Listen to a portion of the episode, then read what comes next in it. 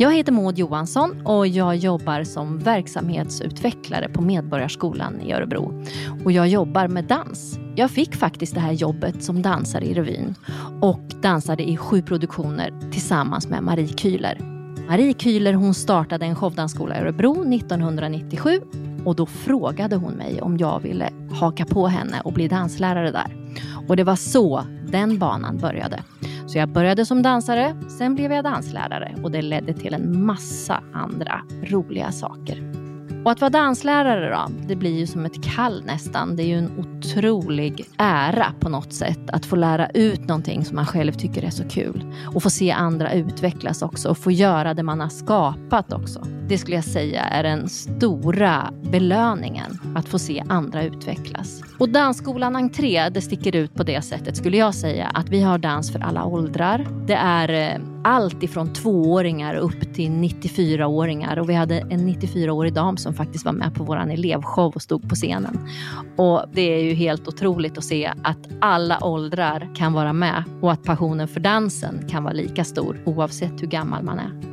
Min passion för dansen själv skulle jag säga har varit med ända från början. Jag började dansa när jag var 14 år och gick på hobbykurser och så och sedan kom med i revyn och fick stå på scenen i så många år. Så det är ju liksom någonting som jag har med mig dygnet runt. Det är ju liksom inte ett jobb. Dansskolan Entré då, det är en skola som har över tusen elever och vi har 13 olika dansstilar och vi är under ständig utveckling. Och vårt mål är ju såklart att bli ännu större och få ännu fler elever. Och kanske i framtiden att vi skapar oss en utbildning också. Man vet aldrig. Vi får se lite grann vad behovet i Örebro är. Och varför man ska dansa hos oss då? Absolut bästa lärarna i stan. Det, en dansskola blir aldrig bättre än sina danslärare och jag kan säga att Dansskolan Entré har så bra lärare. Hängivna och dedikerade, lyhörda för sina elever och otroligt kreativa.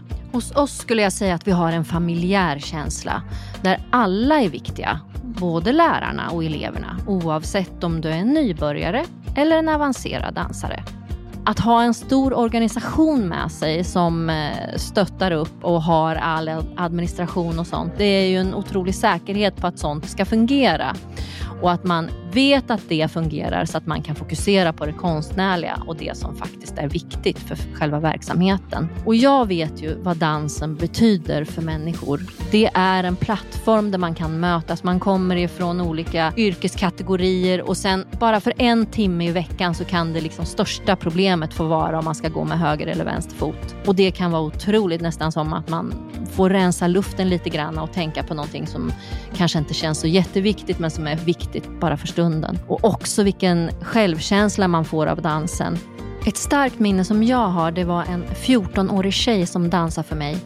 Och hon hade otroliga problem med sin psykiska hälsa och hade vårdare med sig på dansklass.